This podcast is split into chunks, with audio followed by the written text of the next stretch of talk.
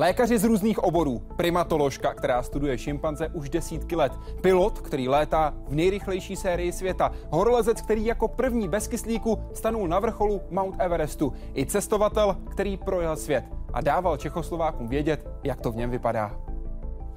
Letos jsme pro vás vysílali celkem 33 dílů Hyde Parku civilizace, z toho 15 se zahraničními hosty. Byli z různých oborů. Dnes vám nabízíme slova těch, kteří svojí prací mění spíš společnost než technologie jako takové.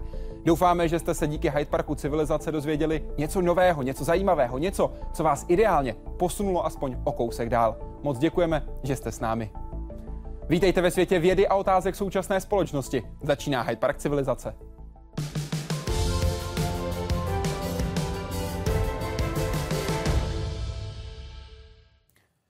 Chvilka nepozornosti, která může mít doživotní následky. Popáleniny ohněm, horkou vodou, elektřinou nebo omrzliny či poleptání. I takové situace řeší Zdenka Crkveniaš Němečková, primářka popáleninového centra fakultní nemocnice v Ostravě. Každý rok se svými kolegy pomáhá zhruba tisícovce pacientů.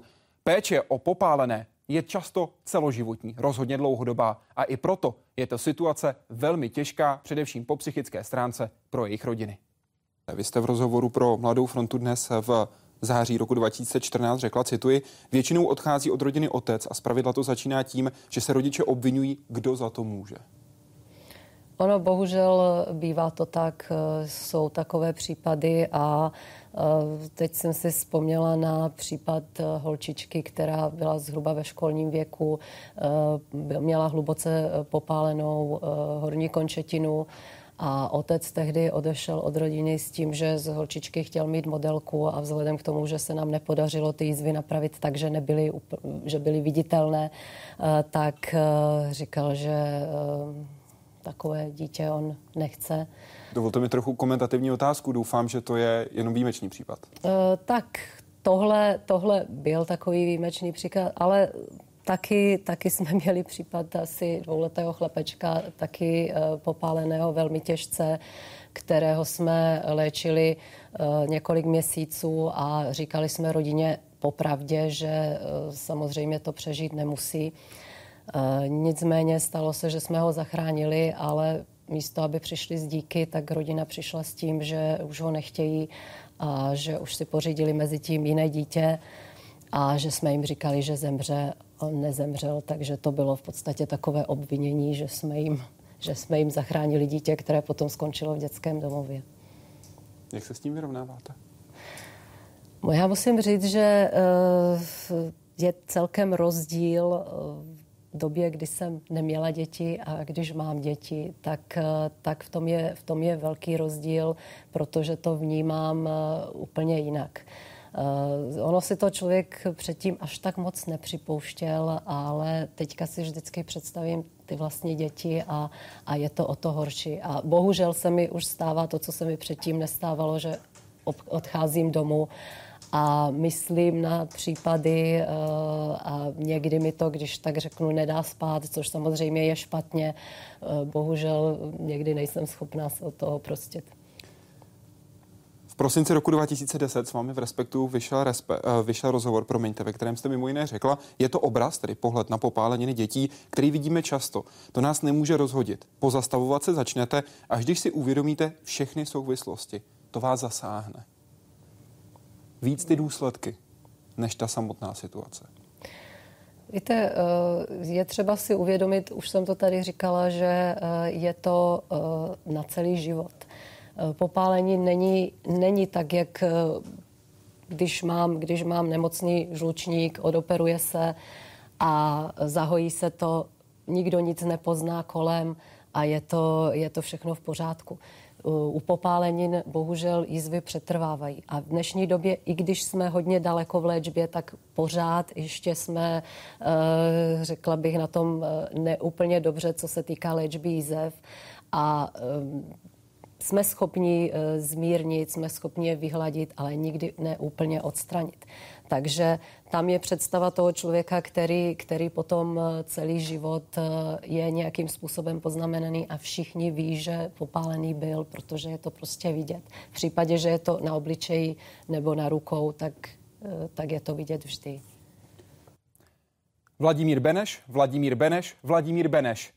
Neurochirurg, neurochirurg, neurochirurg. Lékaři, kteří posouvají hranice svého oboru. Tři generace jedné rodiny. Tři generace, které operují mozek. Tři generace s jinými možnostmi, jinou technologií, ale stejným cílem. Pomoc pacientovi. Všichni tři Vladimírové Benešové byli najednou hosty Hyde Parku civilizace a mimo jiné řekli, jaké vlastnosti musí mít dobrý neurochirurg. To je těžké. Zaprvé by měl být zachovávat klid.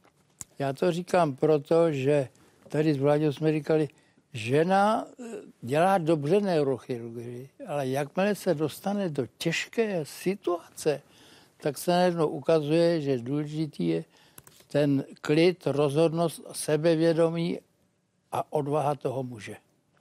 Čili tohle to musí mít neurochirurg. Musí být sebevědomý, za prvé samozřejmě znalý, za druhý sebevědomý a za třetí odvážný. Pane docente, přidal byste nějaké další přídavné jméno? Bych přidal asi ještě skromnost. Mm-hmm. Aby si člověk nemyslel, že už všecko umí, Dobře. za pětí si tak říkajíc nabije. Správně. Většinou to tak, tak je. Dobře. Souhlasíte s tím názorem, že neurochirurgie není pro ženy? Do jisté míry ano. Kde je ta míra? Tak dneska to už asi nejde takhle vyčlenit, protože uh, v rámci té politické korektnosti a nejde nemít ženu na neurochirurgickém oddělení. Mluvili jsme o tom, jak se vyvíjela neurochirurgie, jak se vyvíjí neurochirurgové. Když se podíváme na to, jak se vyvíjí jejich pacienti, když se dnes podíváte na pacienta, který přichází na neurochirurgii, jaký je, jak je informovaný, jaký má zájem o tu léčbu a jak k ní přistupuje? Tři typy. První typ je takový ten starý komunistický komunální pacient, tady mě máte, ale čte si mě a víc mě nezajímá. Ten se zajímá o to, co mu opravují na automobilu. Druhý typ je naopak obvykle člověk s technickým vzděláním, který umí s internetem a který si tu nemoc sestuduje opravdu do mrtě, takže toho o té jedné nemoci ví víc než já, ale on to neumí interpretovat, on to neumí logicky číst ty odborné informace. Takže tam pak je trošku svízelná diskuze, protože když já neznám článek, který on si včera přečetl, tak já jsem za zloducha, že jo. A pak je ten třetí typ, který naštěstí postupně roste. To je rozumně informovaný pacient, který ode mne potřebuje dejme tomu, řekl bych, poradit. Já ho samozřejmě vedu k té modalitě léčby, kterou považuji za e, správnou, ale přesto to finální rozhodnutí činíme jaksi spolu skoro víc von a ten člověk, který opravdu je rozumně informovaný, něco si o tom přečte, ale rozumně, nejde do detailů a ten, který má hlavně sám o sebe zájem a chce vědět, co se mu bude dělat, tak to je, nej, to je nejlepší pacient dnes. Je jasné, že u vás, pane profesore, ti nejvíc nabiflovaní, ti, kteří četli včera vydaný článek, nebyli. To je jasné. To Takové zdroje nebyly. Jaký byly? Rozdíl mezi těmi pacienty je velký, skutečně velký. Zaprvé náš pacient byl pacient, oslove se pacior, co znamená trpitel, dneško je to klient. Ale za druhé dobře? byli daleko méně informovaní. Oni dneska jsou daleko lépe informovaní a ten rozhovor s nimi, když je veden správně, je daleko snažší. Mám stoprocentní volnost a stoprocentní odpovědnost, říká Tomáš Šebe, který jezdí na mise s lékaři bez hranic. Dvakrát byl na Haiti, dvakrát v Afghánistánu a naposledy v Jižním Sudánu. Na svých misích zachraňoval raněné a učil místní doktory a sestry. A často mu pomohla jedna kniha. Vy vždy vyzdvihujete knihu Top Knife. Proč? protože je top. je to knížka, která byla sepsána uh, britskými specialisty na úrazovou chirurgii a vlastně je to kniha, která vás připravuje na to, abyste eh, fungoval efektivně jako válečný chirurg nebo jako uh, chirurg na třeba hm, pracovišti úrazové chirurgie uh, s velkým počtem pacientů. Je to taková Bible chirurga ve válečné zóně? Nevím, jestli obecně pro všechny chirurgy, ale pro mě teda osobně ano. Když něco nevím, tak zalistuju tady v téhle Bibli a kromě té odborné části, protože ta knížka je samozřejmě odborná, tak ona má celou řadu jako bonmotů, které vám pomáhají v tom rozhodování. Na co byste se zeptal autorů, kdybyste měl tu možnost? Protože vy u nich hledáte nějakou radu. Je tam třeba něco, co jste nenašel, něco, co byste od nich chtěl slyšet, něco, co byste od nich chtěl vědět? Já se přiznám, že uh, asi ne. Naopak mě překvapilo, že kdykoliv uh, jsem něco potřeboval, eh, nebo jestli to byla schoda okolností. Pamatuju si třeba na pacienta, kdy jsem musel takzvaně zasvorkovat aortu a tu kapitolu o tom svorkování eh, aorty jsem si četl několik hodin před tím výkonem. Takže vždycky ten top knife se mi dostal do ruky v momentě, kdy jsem ho za pár hodin potřeboval. Tak já bych se možná zeptal autorů, jak to dělají.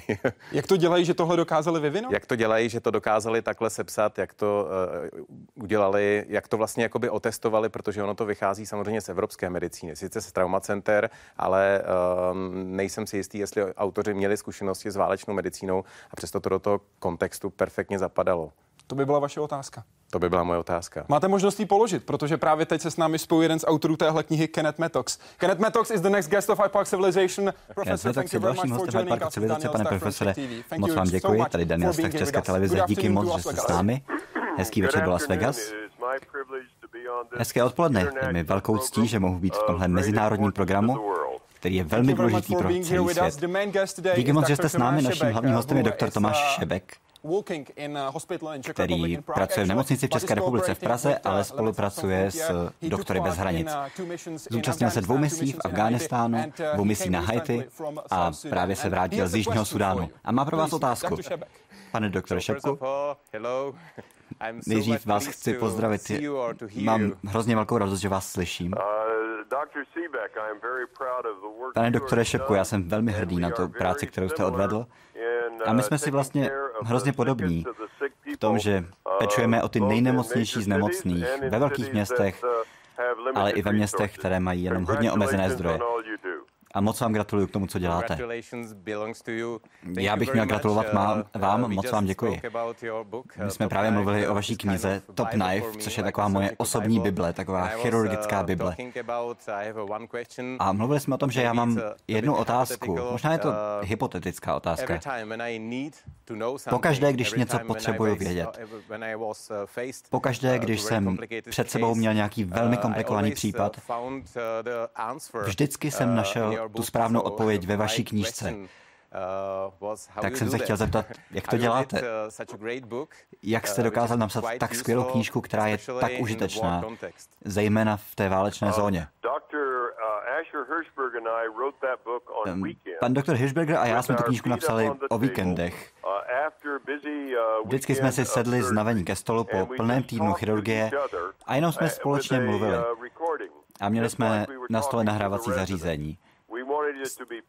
Chtěli jsme, aby ta knížka byla praktická, aby nebyla moc vědecká. Ta knížka už se přeložila, byla přeložena do deseti jazyků a používají ji armády v mnoha zemích a požadují po všech svých doktorech, aby si to přečetli pokaždé, když pojedou do válečné zóny nebo někam, kde se stala nějaká katastrofa. My chtěli, aby to byla velmi praktická příručka. Chtěli jsme, aby mluvila o těch popisovala ty chirurgické problémy, které ve velkých knihách nenajdete. Jak se vyhnout nepotížím a pokud se do ní dostanete, jak se z toho dostat zase ven. A pro mnoho lidí je ta knížka velmi užitečná a do dneška se skvěle prodává. Pane profesore, a můžete nám říct, co je podle vašeho názoru ta nejdůležitější rada, jakou byste dal chirurgům, kteří pracují ve válečných zónách? Co je podle vás naprosto zásadní? Zásadní je, že chirurg musí mít dobré srdce a musí pracovat pro lidi. A musí mít kompletní znalost anatomie a fyziologie. A nikdy nesmí opustit svého pacienta. Pacientem musí zacházet tak, jak pacient chce, aby s ním bylo zacházeno. Musí rozumět svým nástrojům, musí vědět, jaké nástroje nemá a přizpůsobit se tomu. Ale pořád si musí uvědomovat, že někdy je všechno marné. a pokud něco nejde, nejde spravit, je to přirozený proces, možná to zkrátka nedokážeme. Ale pokud to dokážeme, pokud je možnost to spravit, a nemáme se na koho obrátit za pomoc, pak se nebojte si požádat o pomoc. Všichni jsme v tomhle společně. A každý z nás má nějaký problém. A my si voláme neustále po celém světě, nebo teď po internetu. Takže skutečně funguje telemedicína, využíváme to na Haiti, v České republice, v Afghánistánu, nebo v Sýrii, nebo v jeho východní Asii. Pane profesore Matoxi, moc vám děkuji. Tohle bylo, jak když ke mně mluvil Bůh chirurgie, takže jsem opravdu překvapený. Já doufám, že se někdy, br- někdy brzy setkáme. To taky pevně doufám. Chci vám říct poslední větu. Ta vaše knížka je velmi praktická a asi proto jsme tak efektivní. Moc vám za to děkuju. Vždy sloužíme, především sloužíme, sloužíme ostatním. Pane profesore, moc vám děkuji.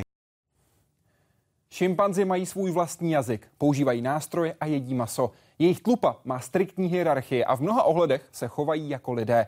To jsou jen některé z objevů primatoložky Jane Goodall, která strávila desítky let studiem šimpanzů. Získala si jejich důvěru, až ji vzali mezi sebe. A v Hyde Parku civilizace zněla i šimpanština. Tohle jsou jen některé z výrazů, ale víme, že samozřejmě reálních je mnohem, mnohem víc. A můžeme je najít samozřejmě na tvářích šimpanzů. Ale kolik zvuků, které můžeme považovat za slova, šimpanzi používají? Víte, problém je v tom, že ty zvuky se slévají. Prostě kňourání, vřískání. Myslím si, že se už dopočítali 48 ale možná už i víc. Když jsem eh, naposledy studovala, opravdu studovala šimpanze, už je to nějaká doba zpět. Snažil jsem se naučit šimpanštinu. Co byste udělala? Co byste udělala, kdybych byl šimpanzem a udělal... No, musel byste ke mně přijít blíž a kdybych něco jedla, co byste po mně chtěl a nelíbil byste se mně, tak bych vás odehnala. Tak neudostanu nic? Ale když si mě budete líbit, tak vám možná trochu té potravy plivnu do dlaně. A jak bych řekl děkuji? To byste neřekl. Neřeknu, jen bych to snědl. A půjdu pryč. Ne, zůstal byste tam. Máme jednu skvělou sekvenci ze Starou Flo, David Shadows jí poslední kousek svojí potravy a to je sekvence, která trvá skoro dvě minuty. Naštěstí nám nedošel film. A celou tu dobu ona vlastně k němu natahuje ruce, takhle. A snaží se z něj vymámit to jídlo. A nakonec, nakonec ho dostane přesně předtím, než nám došel film. To bylo úžasné. Takže děkuji třeba vůbec nemají? Ne. Neříkají děkuji. Ne. A jak řeknou třeba ahoj, dobré ráno? No, eh, pokud jsem samice a zdravím vás, tak přijdu blíž. Takhle. Pak přijdu blíž a pokud se vám líbím, tak mě pohladíte na hlavě a já vás možná obejmu. Takhle se při přiblížení zdraví přátelé. Přátelé. Když budu zdravit někoho na druhé straně údolí,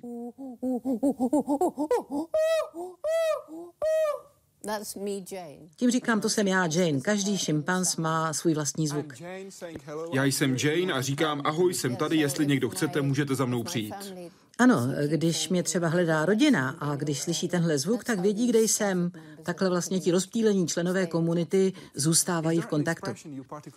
Je nějaký výraz, nějaký zvuk, který máte obzvlášť ráda? Něco optimistického, něco, co si spojujete s nějakým skvělým zážitkem, něco z vašich zkušeností? To byl opravdu velice zvláštní zážitek. Stará Flo nechala svoje děťátko. To bylo opravdu velice na začátku toho eh, pobytu a ona ho vlastně nechala, aby ke mně přišel. Díval se na mě těma vytřeštěnýma očima a sáhl mi na nos. A Flo byla sice trošku neklidná a měla takový stažený obličej, ale pak za ním přišla, obejmula ho a nechala ho, aby na mě sahal. A to byl opravdu projev důvěry. Víc už matka dítětě dovolit nemůže, nechat ho jít člověku, potenciálnímu nebezpečí. Mm-hmm. Ale v tu chvíli už vás znali. Vy jste pojmenovala všechny šimpanze, které jste dokázala poznat, když jste ji nebo jeho potkala. Zmínila jste Davida, který byl pro vás ze začátku nejdůležitější, protože díky němu jste se dostala k lupě, ale také jste zmínila Flo. Jaká byla matka Flo? Ona byla opravdu ohromná matka. Měla mimořádně rozsáhlou rodinu a její potomci, víte, samci se všichni dostali skoro na vrchol té hierarchie a samice byly mnohem plodnější než většina ostatních samic. My jsme je všechny pomenovali na F, takže když jsem se seznámila s Flo, byla to vlastně Flo, nejstarší syn Freud, potom Ficket, potom Fifi, potom Flint. A dnes tam těch rodinných genů je až moc, protože Gombi je izolované a víte, když tam nemůže přicházet nová krev, tak je to prostě geneticky uzavřená společnost. Když v roce 1972 Flo zemřela, londýnské Timesy vytiskly nekrolog, což je velké vyjádření respektu. Co to pro vás znamenalo a co samotné úmrtí znamenalo pro Flinta, který byl na Flo hodně závislý? Flint zemřel. Prostě byl stále víc a víc depresivní. a dívat se na něj, jak k ní přichází, jak se neustále dotýká jejího těla, to bylo opravdu strašně smutné. Tu první noc eh, se vyšplhal na strom, tam, kde spolu spávali. a eh, prostě pohyboval se po té větvi velice pomalu a díval se na to místo, kde spolu spávali a potom vlastně slezl dolů strašně smutně. Bylo to tragické. Víme mnoho o pachatelích a málo o obětech říká policejní psycholožka Ludmila Čírtková, která se zaměřuje na pomoc obětem. Následky trestných činů dopadají na jednotlivé oběti individuálně a že velmi záleží na osobnosti oběti, na, to znamená na tom, jaká byla předtím. Uh-huh. Takže uh, se setkáváme s oběťmi, které jsou uh, schopny jakoby uh, překonat a vrátit se poměrně rychle do uh, života. Mluvíme tady o resilienci a ne vždycky je nám úplně jasné, jak to, že ta oběť uh, je taková silná. A pak jsou oběti, které díky své i psychické konstituci překonávají následky zločinu velmi obtížně. A jedna z těch komplikujících záležitostí je třeba dispoziční pesimismus. Jestliže jsme škarohlídi, jestliže jsme svázáni negativní emocionalitou, která nás mimo jiné izoluje od ostatních lidí, takže jsme na to sami, tak jsou následky zločinu vždycky horší. A možná, že bych chtěla říct na závěr, že o tom, jak se oběť vyrovná se zločinem, se rozhoduje i v době poté. Proto má vůbec smysl řešit, jak pomáhat obětem. A takže dochází-li k poškozování oběti díky špatným reakcím. Takže já si zase vybavím úplně konkrétní příklad klientky, která vlastně nemohla překousnout, že otec jí říká, proč mu neobě- neutekla, proč mu neuběhla. A říkali to právě proto, že klientka pravidelně běhala a, a byla znásilněna a otec na to reagoval ve svém zoufalství přesně tím, eh, tímto výrokem mm. a klient se ta věta nešla z hlavy. Takže ta terapeutická práce vlastně spočívala v tom, že jsme s klientkou probírali i perspektivu otce, který je samozřejmě také zničený tím, co se stalo jeho jediné dceři. A takže ten výrok je spíš o tom, jak se zoufale s tím uh, snaží popasovat, jak hledá přesně ty úvahy, co by se dalo udělat, aby se to nestalo. Čili to nebylo myšleno jak Vítka. Uh, ano, výtka, výčitka, ale uh, bylo to vlastně výraz, uh, řeknu, traumatizace i dalšího člena rodiny. Domácí násilí, další velké téma, o kterém se často tolik nemluví a které se také tak často nenahlasuje, nebo alespoň nedostatečně včas. V roce 2015 jste pro českou televizi řekla, cituji, průměrná doba, než se oběť odváží vyhledat pomoc u těžkých případů, je zhruba 6 let. Kolik je to teď? Uh, orientačně mohu říct, že se ta doba zkrátila o polovinu, čili uh, průměrně uh, jde o tři letý komplikovaný vztah založený na týrání, než se oběti odhodlají. Ale musím říct, že v oblasti domácího násilí tak, takovým dalším trendem je, že policie je kontaktována se širším spektrem případů a máme pocit, že se na, oba, na policii eh, často obrací eh, oběti, které si sice myslí, že žijí ve vztahu, který lze označit jako domácí násilí, ale ve skutečnosti tomu tak není. Jde o konfliktní soužití, hmm. čili eh, oba partneři jsou poměrně stejně silní a dochází mezi nimi ke konfliktu, ke, který může přirůst i, k ná, i v násilí samozřejmě, takže fyzické násilí. A tyto oběti se obrací na policii daleko dříve, protože oni nejsou tak traumatizovány. Ale problém je dostat se k těm nejtěžším případům domácího násilí. To znamená, eh, tam už nejde o konflikt, že by obě dvě strany eh, byly plus minus rovnocené, ale jde o zcela asymetrický vztah, eh, který se projevuje týráním a můžou tam být zpočátku fyzické incidenty, čili napadání, ale pak už oběť si ani netroufne a rozjíždí se domácí násilí zejména v podobě psychického týrání a takže se setkáte vlastně s obětí, která svým způsobem žije jako rukojmí, protože nerozhoduje o tom, co si obleče, nerozhoduje o tom, kdy si může umít uh, hlavu, když dělá osobní hygienu, tak dotyčný uh, sedí v koupelně a tak dále a tak dále. Přesně před 20 lety v Mladé frontě jedna žena, která se obrátila na Bílý kruh bezpečí, popisovala svoji situaci a svůj pocit. Kdybych si mohla vybrat mezi bytím a slovním týráním, vybrala bych si bytí. Nadávky a výhrušky vás sice dovedou na pokraj šílenství, ale nikdo vám neuvěří. Eh, přesně tak proč je domácí násilí velmi deprimující zločin. Stručně se to pokusím vysvětlit. Když žijeme ve vztahu, tak ten druhý člověk je pro nás hlavní na světě. To znamená, že pro nás je důležité, co si o nás myslí a z něho čerpáme představy o tom, jestli jsme dobří, jestli si zasloužíme tady prostor, čili jednoduše řečeno své sebevědomí. A jestliže ten nejbližší člověk, který je pro nás hlavní, s námi začne zacházet tímto ubližujícím způsobem, tak regulárním důsledkem je, že najednou žijeme ve světě, kde dobro a zlo ztrácí svoje hranice. Um, nedovedeme správně reagovat a nastává to, čemu říkáme efekt uvařené uh, žáby, že při prvním incidentu si řekneme, tak asi byl ve stresu, možná, že má něco v práci a omlouváme ho. Při uh, druhém incidentu už teda se cítíme hodně spraženi, tak asi to teda za to musím uh, mít nějakou vinu i já a pak vám oběti řeknou, že si pamatují první dva, tři incidence a pak už je to úplně všechno jedno. V 60. letech u nás začal rozvíjet obor, kterému se nikdo nechtěl věnovat. Založil dětskou onkologii. Když začínal, umíralo 97% dětí se zhoubnými nádory. Dnes jich 83% přežije. Josef Koutecký. Jako první u nás začal používat chemoterapii pro léčbu dětí. Vždy se zaměřoval nejen na nemoc, ale i na pacienta. Sám říká, slova a dotyky jsou často víc než injekce nebo dávka záření. V rozhovoru mimo jiné popsal, jak vypadaly úplné začátky dětské onkologie u nás. Ovšem ten začátek, to je eh, pro dnešní lékaře, ale i veřejnost teda nepředstavitelné, že jo, protože napřed jenom to bylo tak, že když přišlo dítě na kliniku s nádorem, tak se o něj musel starat Koutecký, takže děti byly rozesety po klinice.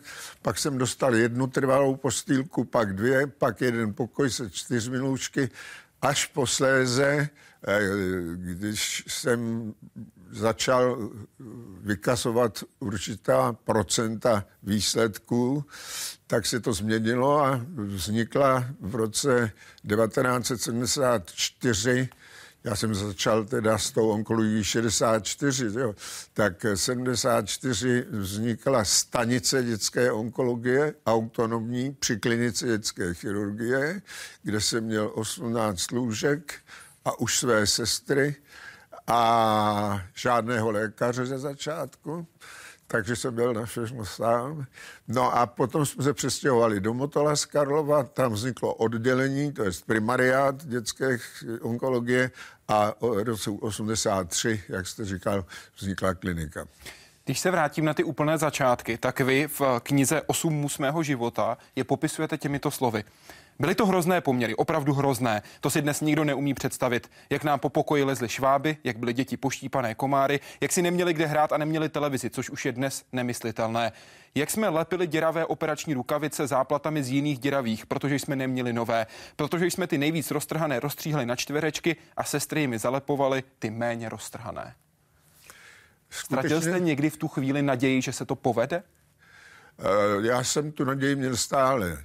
Já jsem ji nikdy nestratil, protože vytknul jsem si cíl a myslím si, že to jediné, co, je, co vede k úspěchu, je to za tím cílem tvrdožíně, tvrdohlavně a přes překážky jít. A že těch překážek v tom minulém režimu bylo.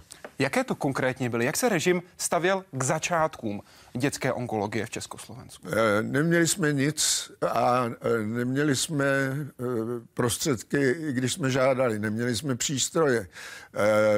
Neměli jsme sami radioterapii.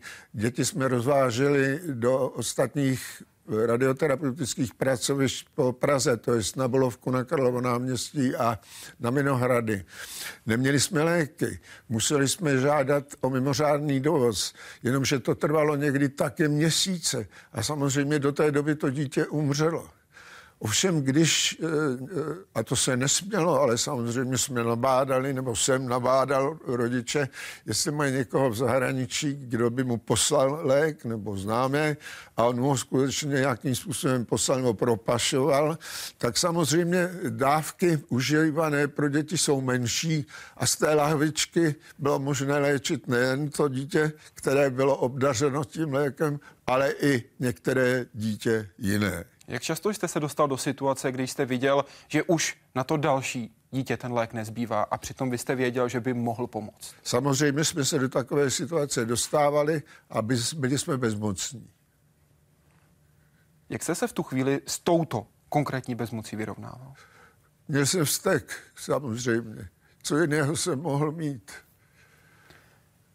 Komunistická strana chtěla, abyste vstoupil mezi ně, abyste vstoupil do komunistické strany. Vy jste to opakovaně odmítl s tím, že by to eh, váš otec se na to nikdy nemohl podívat přímým pohledem, protože jeho, jak říkáte, komunisté doslova zničili, poslali do kladenských hutí.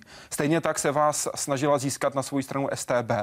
Jak jste ji odmítl a jak jste nakonec zajistil, že se STB o vás přestala zajímat?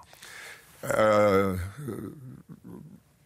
STB se o mě snažila, nebo se mě snažila získat dvakrát a e, samozřejmě, když jsem odmínul, tak jsem měl určité obavy, jaké to budou mít následky. Ale e, ten někdo nad námi vždycky ty věci zařídí nějak dobře za asi tři, čtyři měsíce poté, co jsem odmítnul, teda po dvouhodinovém přesvědčování v Bartoloměvské ulici, se ozval na stole telefon v mé pracovně, já jsem ho zvednul, tam se ozvalo jméno jednoho z těch eh, STBáků, kteří mě přemlouvali. Samozřejmě to byla jména uh, smyšlená. Eh, já jsem se lekl, že zase něco takového nastane, ale ono nenastalo. On přišel s prozbou, že jeho kamarád, se kterým studoval na té stébácké škole v Sovětském svazu, má dcerku a ta dcerka, že má zoubní nádor. No samozřejmě eh, léčím všechny děti, ať to byli STBáci nebo ne. Ono jich mimo jiné eh, bylo víc v té době, že jo, které jsem, jejichž děti jsem léčil. A e, to dítě jsem okamžitě e, přijal. Byl to zhoubný nádor ledviny, jsem velmi pokročilý, který produstoval ledvinou e, žilou do dolní duté žíly, takže už ta operace byla neobyčejně závažná. Museli jsme si dokonce k ní přizvat teda i cévního chirurga z našeho kardiochirurgického pracoviště, ale nakonec to všechno dobře dopadlo.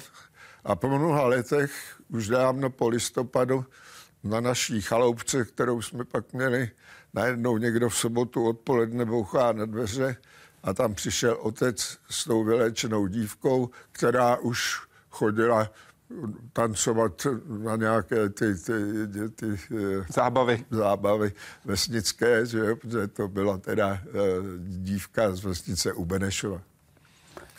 Jak si myslíte, že by... Od té doby jsem měl od STB pokoj. První člověk, který vystoupil na všech 14 osmitisícovek. První člověk, který vystoupil na vrchol Mount Everestu bez kyslíku. První člověk, který vystoupil na vrchol Mount Everestu sám. Člověk, který šel mnohokrát cestou jako nikdo před ním. Člověk, který říká, vrchol je až na druhém místě. Hlavní je zkusit ho dosáhnout. Reinhold Messner, horlezec, cestovatel, dobrodruh. Muž, kterému při společné výpravě zemřel bratr. V dokumentu The Dark Glow of the Mountains jste řekl, cituji, Nemám pocit, že by zemřel místo mě. Mám pocit, že jsem sám na té expedici zemřel. Jaká vaše část zemřela na téhle expedici? Během té první noci nebo po ní jsem měl takový zvláštní pocit, že se dívám ze zhora, ne z nebe, z výšky nějakých dvou, tří metrů. Díval jsem se na svoje tělo, které tam leželo ve sněhu. Měl jsem to, čemu se říká mimotělní zážitek. Možná jsem umíral z podchlazení, já nevím. Ale cítil jsem, že se vracím do svého těla. To byl můj pocit. A pak jsme z té hory slezli. Um, A to, že jsem přišel o partnera, že jsem přišel o bratra, To je jako když ztratíte část sebe sama. Ale poté jsem se rozhodl pokračovat ve svých aktivitách. Já tomu nenadříkám kariéra, ale ve svých aktivitách dobrodruha. Trochu jsem změnil ani ne tak styl, ale Přestal jsem lézt na skály a stal jsem se spíš tradičním horolezcem, protože už mi to tolik nešlo. Čistě proto, že jsem přišel ne o všechny prsty na nohou, ale o hodně z nich. A protože můj bratr a já jsme i na téhle expedici měli ještě další projekty, další plány po Nanga Parbatu, tak jsem se rozhodl, že naplním ty naše společné sny. Ne pro něj, ale proto, abychom nějakým způsobem dál byli spolu. A do dneška, když jdu do Dolomit, kde jsme vylezli snad tisíc různých stěn, asi 50krát jsme vylezli poprvé nějakou obtížnou stěnu. Můj bratr tam pořád je, v mých vzpomínkách. Je tam jako mladý muž a pořád žije v, ne v mé paměti, ale v mé samotné existenci. Mluvíte s ním, když lezete po horách? To bych ani neřekl, že s ním mluvím. Ale on dál žije ne svůj život a ne můj život, ale je součástí mého života. Pochopím, pokud na tuhle otázku nebudete chtít odpovědět. Možná je pro vás příliš osobní. Můžete popsat ten pocit, když jste se dostal mimo tělo. Jaké to bylo? Neumím si to představit. Ono bylo asi 40 pod nulou. My jsme na sobě měli oblečení, samozřejmě. Všechno, co jsme měli sebou, jsme si navlékli. Seděli jsme tam celou noc, neměli jsme spacák, neměli jsme stan. Vítr nebyl moc silný, ale byla velká zima. A vaše tělo se automaticky začne třást, aby se trochu zahřálo, ale po mnoha hodinách už to nedokáže. Vaše tělo už se nedokáže zahřát samo. A pravděpodobně proto já jsem se cítil naprosto zoufale, protože jsem v ten moment chápal, že pořád ještě jsme naživu, ale jak slezeme z téhle hory? Nemáme šanci s ní slez dolů. A já tam ležel ve sněhu, já nevím proč, jestli jsem upadl nebo co se stalo, ale ležel jsem ve sněhu a najednou moje vědomí bylo nad ním. Takže jsem měl pocit, že jsem nad svým vlastním tělem a vidím ho nějaké dva, tři metry pod sebou, jak se válí ve sněhu. A v ten moment jsem si uvědomil, že jako to tělo, i já sám, jsme v naprosto zoufalé situaci. To je celé. Na Nanga Parbat jste se vrátil o 8 let později a ve své knize Žít a přežít se napsal, cituji, Nikdy předtím ani potom ve mně nezuřily tak rozporuplné emoce jako před solovým výstupem na Nanga Parbat. Fascinace, strach, motivace, beznaděj. Kolikrát jste přijel k hoře, obrátil se zády a odešel? Bylo to několikrát, protože po mé druhé expedici na osmitisícovku jsem zase přišel o dva partnery ve sněhové bouři. A začal jsem si uvědomovat, že u tohoto druhu lezení ve vysokých výškách na obtížných cestách, my na Nanga Parvatu jsme nelezli tou běžnou cestou, ale, ale tou obtížnější. Na Manaslu jsme lezli velmi obtížnou cestou. Na konci nás přepadla sněhová bouře, kde jsme byli velmi vysoko, poblíž vrcholku. Jeden partner zmizel, další pak ještě s jedním ho pak šli hledat, toho, kterého jsme ztratili. A jeden zešílel a odešel do té sněhové bouře a zmizel. A říkal jsem si, že nemůžu převzít zodpovědnost za ostatní. Ne u tohoto druhu lezení. A začal jsem si plánovat a snít o tom, že bych to dělal sám. Abych si převzal zodpovědnost jenom za sebe. Pak bych si mohl dělat všechno, co budu chtít a nikoho nebude zajímat, jestli zemřu nebo ne. Bude to zajímat mě a ano, moji mámu, ale je to můj život a chci si ho zkusit naplnit podle sebe. Ve vzduchu je to krásný, jsme tam ale jenom na návštěvě. Říká akrobatický pilot Martin Šonka. Letos druhý v nejprestižnější letecké soutěži světa Red Bull Air Race. Navíc je vicemistrem světa a mistrem Evropy a také mnohonásobným českým šampionem v akrobatickém létání. 14 let sloužil v armádě, létal mimo jiné na stíhačkách JAS 39 Gripen. Jak se dokáže orientovat v rychlostech přes 300 km jen pár metrů nad zemí? Pojďme do Porta. Proletět si závod, který si tam absolvoval. Proveď nás, prosím. No, tak to byl nádherný závod, teda úžasný 600 tisíc lidí vlastně v ten závodní den. Tak uh, tohle je zase ta šikana. Mm-hmm. Tady, ačkoliv to nevypadá, letadlo letí rovně, tak furt je tam kolem každého pilonu 8-9G. Tady bude první pull-up, tady v té trati vlastně byly tři, takže tady to byly klíčové vlastně manévry. Tady Tohle vidíme Gčka, ale tam vidíte tréninku, že nejsou až tak vysoká. Přesně tak, no. A záleží na tom, jak člověk rychle na to najede na ty maximální Gčka a jak je tam dokáže držet. A tady byly opravdu nižší, takže tady by, tohle je vlastně první trénink, takže tady by byly určitě strážky. Na druhou stranu vidíme je. Jak to, že je vidíme? A, no, vidíme je kvůli tomu, že, že já mám kameru tady na čele takhle a a, a samozřejmě i ta kamera je v ten okamžik desetkrát těžší, takže mi tahá hlavu a, a helmu celou takhle níž, takže, takže já tam takhle tahám tu helmu někde z mezi kolení. Takže to, takže proto takhle, tak abych vůbec viděl ven, tak, tak si musím počkat na ty, na ty nižší Gčka. A Tady na řece je ta orientace pro tebe v pohodě? Tady je v pohodě, ta, ta řeka je poměrně úzká, pro nás obrovský vlastně orientační body jsou ty, ty, ty pilony, které opravdu přicházejí velice rychle a, a to je vlastně pro mě ten největší referenční bod. Mm-hmm. A není tam čas jako nějak, jak, mile, jak, jakkoliv prostě koukat uh, dolů jakoby pod sebe, tu, tu vejšku, jakoby, co je pod letadlem, vnímám jenom periferně a mm-hmm. koukám na tu trať před sebou. Mm-hmm hlavou dolů to funguje stejně. Taky koukám dopředu a jenom periferně. A pro tebe příjemněji. Jak... A je to příjemnější. No. A je líp vidět pod sebe, protože tam nezavazí to letadlo. Vlastně, jako když člověk letí hlavou nahoru, tak, tak pod sebe moc nevidíte. Normálně tam překáží, tak trochu. Takže, to, takže, takže, to, takže tam překáží. Takhle. Kolik toho vidíš vůbec?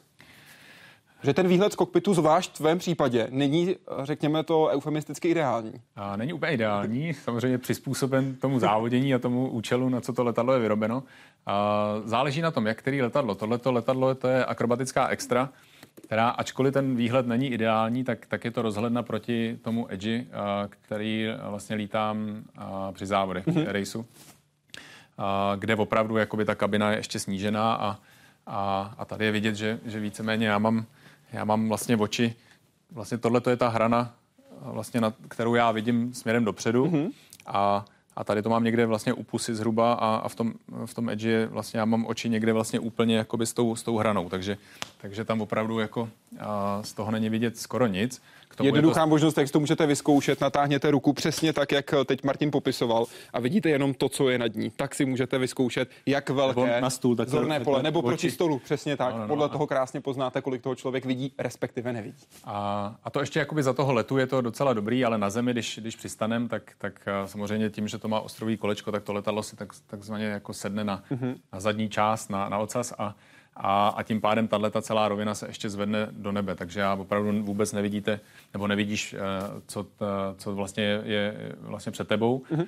a a musíme vlastně pojíždět takovým, takovým hadovitým stylem, úplně stejně jako stíhači za druhé světové války, kde vlastně to byla podobná konstrukce letadel a oni vlastně vůbec nevěděli, co je před nima díky tomu velkému motoru, takže, takže to je úplně to samé tady. Ty hodně rád závodíš v Rakousku, ve Spielbergu a také v Budapešti. A tam je to asi nejtypičtější podle ten podmost. Podle ten podmostem, průletem pod mostem. Pro vás jako piloty nuda. No tak nuda to úplně není, ale jakoby není to samozřejmě to nejnáročnější na té na tý trati. A, vlastně jakoby to, co je na tom náročný, je, je proletět tu trať rychleji než ostatní. Mm-hmm. Nebo vůbec jí proletět samozřejmě, když je nějaký složitější vítr, ale ale uh, jakoby ten podle toho mostu není úplně uh, jakoby to, co, z čeho by jako tam člověk jako měl strach, ale samozřejmě tím, že a prostě hol to letadlo je pod mostem a když by tam člověk udělal tu chybu nějakou, mm. tak, tak je, je z tebe prostě mastný flek na, na mostě, tak to tak samozřejmě jakoby svoji váhu a, a, a důvod to nepodceňovat to má, ale ale jakoby z pilotážního hlediska prostě letím dva metry nad hladinou tři a, a, a proletím pod mostem. No. Takže... Jaký český, nebo možná přesněji pražský most by si chtěl podletět? No Karlův rozhodně samozřejmě, no, ten by byl krásný, ale nevím, jestli by mě tam někdo pustil, ale, ale, ale vešel bych se tam. Vešel by ses? jo, jo. A byl by to pro tebe hodně složitý manévr nebo celkem rutina? Tak nějaký trénink by to chtělo asi, nějaký nácvik, asi bych si vyrobil nějaký, nějaký takový přípravek, simulovaný pilíř a, a trénoval bych tam, ale, ale ne, tak tohle jako nikdy není rutina. A samozřejmě ještě ten, ten Karlův most, tím, že vlastně tady jakoby do strany je spoustu místa u takového mostu, ale tam je to opravdu i jakoby do šířky omezený poměrně, přece jenom pro to letadlo to není úplně stavěný, tak, to, tak, tak by to určitě byla výzva. Závodí na 100 kilometrů 12 nebo 24 hodin. V přepočtu jde tedy oběh o délce až 6 maratonů v jednom. Běžné tratě ultramaratonců Kateřiny Kašparové a Ondřeje Veličky. Jen z letošního roku mají dohromady pět titulů mistrů republiky z různých závodů ultramaratonu. A na co běhají? Mně spíš jako pomáhá prostě ten birel, no, to pivo, mm-hmm, alko. Na to prostě běhám, no. Mm-hmm. To jako, to je, to je úžasná věc, na 12 hodinovce mi to zachránilo, protože ono opravdu, jak je to hořký, tak to hodně pomáhá. Mm-hmm. Na co běháte vy, Ondřej? Já teda pokud, eh, samozřejmě musí se to rozdělit na nějaký kratší závody, což je do 100 kilometrů a potom ty další. Pokud vezmu eh, v potaz ty 100 kilometrové, tak tam eh, chleba se škvarkovou pomazánkou určitě nepřipadá vůbec v úvahu. Tam běžím na hodně ovoce, energetické gely nebo energetické tyčinky, nějaký sladký pití, nějaký džusy a podobně. A to tak nějak stačí je něco, co určitě nejíst, nepít? No, mě Co voda? No, vodu ne. Nám říkají vodu na sebe, jonty do sebe. A něco na tom bude. Vodu, já jsem dřív běhala všechno jenom vo vodě. Všechno jenom na vodu. Teď už ne. Teď už, tak teď už ne. Teď i ten gel si dám, nebo ten jonťák, nebo to pivo. Ale co mě nedělá dobře, tak je třeba kola. To úplně moc nemusím, hodně lidí na ní běhá, já si ji dávám jenom v krajních případech. A... Vy máte, Ondřej, speciální trojitý drink spojený s kolou. Co s ním, co mícháte? Eh, je to vlastně kola, polévka a teplý čaj. To bylo na Spartatlonu, a... kdy jsem se potřeboval zahřát, zároveň doplnit energii. Takže tohleto jsem na každé občerstvovačce si dával. Jakou máte polévku nejoblíbenější v téhle kombinaci? Ta, co tam byla, to byla nějaká instantní, uh, nějaký asi vývar s nudlem. Jak to chutná? V tu chvíli výborně. je, to, je to sladké, slané, takže eh, to vlastně napravuje ten žaludek svým způsobem a zároveň doplňuje jonty, takže předcházím křečím a podobně. Zahla si to? Tak jako v tu chvíli asi určitě, že když by mi byla zima, to je jasný. Ale to je super, že mu chytá instantní polívka, že už nemusím doma moc vařit. No. Jste nevěděla, co všechno vám ten rozhovor přinese no, dneska ještě. strašně času navíc budu mít. Je to právě i víc času navíc pro vás, tím, že to zkrátka dobře dáte všechno do jednoho a ušetříte na občerstvovačce? Uh, no, já nevím, tak samozřejmě oni mi to připraví do třech kelímků, mm-hmm. takže já to do sebe rychle uh, potom hodím, abych nestrácel příliš mnoho času. A samozřejmě to doplňuji ještě nějakým dalším uh, jídlem, co tam mají. Na každé občerstvovačce je to jinak a na tom Spartatlonu mají občerstvovacích stanic 75 a na každé něco jiného. Mm. Takže uh, snažím se jí samozřejmě i normální věci u takhle dlouhého závodu, i třeba těstoviny, nebo i třeba chipsy a takové méně zdravé, které v běžném životě do pusy nedám. Pokud jde o takhle dlouhý závod, tak vy jste sami zmiňovali, že u něj už člověk přece jenom také velkou část jde. Vy konkrétně u Spartatlonu jste během tohohle závodu také mimo jiné telefonoval.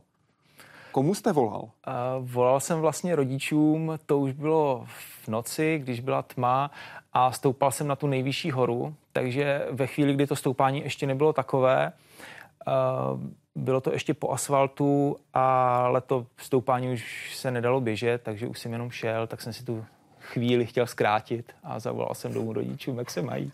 Co vám říkali? No, tak hlavně, ať na sebe dávám pozor, ať jsem opatrný a takhle. Vy jste protelefonoval tři čtvrtě hodiny během toho závodu. Komu ještě jste volal? Když běžíte Spartatlon, olympiádu ultramaratonců. No, tak hlavně těm rodičům, ale uh, tam šlo o to, že člověk opravdu potřebuje nějaký to rozptýlení, aby, aby nějak zabavil tu hlavu, mm-hmm. aby mu to rychleji uteklo. K jídelníčku. Je jídelníček ultramaratonců nějak upraven či zaměřen více jedním směrem? Myslím to tak, jestli se soustředujete víc na tuky či proteiny. Sacharidová strava přeci jen při ultramaratonech nemůže stačit. Ze zkušenosti z maratonu vím, jak jen sacharidy nestačí. V tom běžném životě, co jíte, jak si upravujete. Vy ostatně, Kateřinou, jste se na to zaměřili ve svém studiu.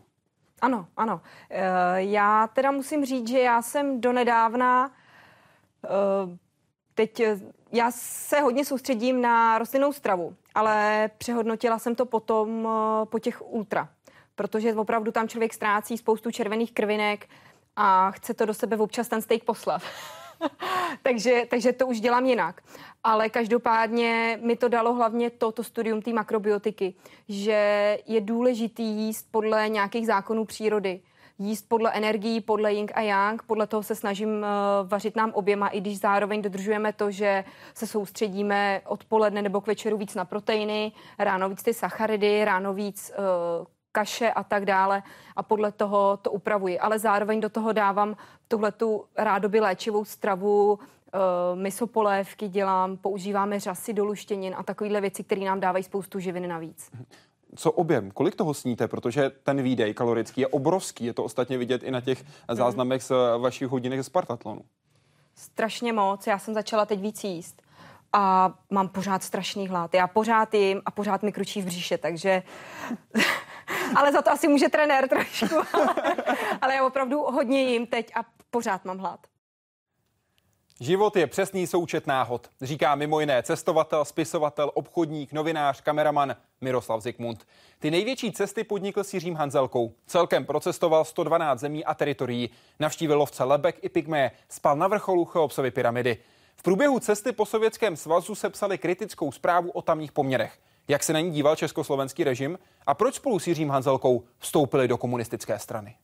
V Československu, řekl doslova si pamatuju tu jeho formulaci, se lámou ledy. Tak jsme se rozhodli k tomuhle kroku, který jeho jsme potom nejenom mohli, ale taky litovali. Ale stalo se, bylo to naše rozhodnutí a stali jsme si za ním. Jste chtěli posílit to reformní křídlo komunistické ano, strany? Ano. Je září 1963 až listopad 1964. Vy projíždíte mimo jiné přes Sibiř a navštěvujete jednotlivé části Sovětského svazu. Jedete se podívat do průmyslových podniků a následně píšete takzvanou zvláštní zprávu číslo 4, ve které popisujete, jaké důsledky měl stalinistický režim na Sovětský svaz a také jak ta aktuální situace v Sovětském svazu vypadá. Popisujete hospodářství, služby, dopravu, lidské vztahy a také propagandu. Jak důležité pro vás osobně bylo popsat, jak to v Sovětském svazu tehdy skutečně vypadalo? Oni se snažili během celé té doby nás prostě, řekl bych, až do toho utáhat neustálými setkáními s veřejností. Připravovali eh, na každý večer, kam jsme vždycky dojeli, nějakou besedu, místo, aby, aby nás nechali odpočinout, abychom se dospali, abychom si doplnili poznámky, že, abychom byli jaksi ažur, tak vždycky nás se snažili prostě utát. To byl cíl, to jsme pak prokoukli, ale přitom jsme se často dozvídali na těch schůzkách věci, které jim buď tím, že se muselo připít nějaký ten stakan, mm-hmm. tak jsme se dozvídali věci, které eh, před námi normálně tajili. A to byl zdroj těch informací, které jsme potom postupně zhromažďovali a vyústili v tu tajnou zprávu ZZ číslo 4. Zvláštní zpráva, eh, kterou jsme nakonec předali nejenom adresát, hlavnímu adresátu, což byla předseda Akademie věd, doktor Šorm, ale nakonec i Brežněvovi. Mimo jiné jste také psali, napsali, cituji, Obecný, velice častý jev je neracionální využívání hospodářských možností, zaostalé služby, nečinné stroje, rozkopané závody, očividné a časté plítvání materiálními hodnotami a také lidskými silami. Nevážnost k času, často i plítvání politickými hodnotami. Jak se k tomu postavilo vedení Československé socialistické republiky, když jste to přivezli zpátky a nabídli? Nevlídně. Je to eufemismus nevlídně? Nevlídně, protože to považovali za, taky to tak označili, že to byl protisocialistický pamflet. Co v dnešní české společnosti nejvíc chybí? Tolerance. Tolerance a schopnost vyslechnout toho, s kým vedete diskusi. A co nám naopak nejvíc přebývá? No, mluvíme do větru. Mluvíme spousty věcí do větru, slov, která nemají žádný smysl.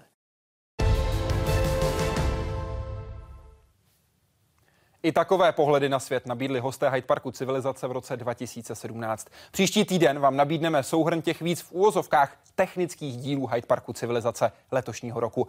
Připomeneme tak slova například pěti nositelů Nobelovy ceny, šéfky největšího vědeckého centra na planetě Zemi, nebo matematika, který získal Fieldsovu medaili a který nevyjde z domu bez pavouka na klopě. Díky moc, že jste s námi. Hezký večer.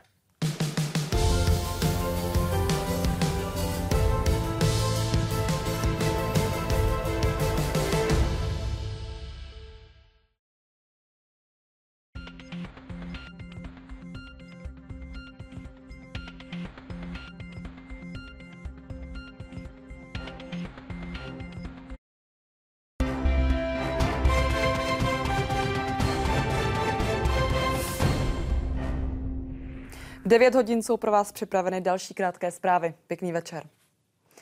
Dvojce stran, která vytvořila novou vládní koalici v Rakousku, si rozdělila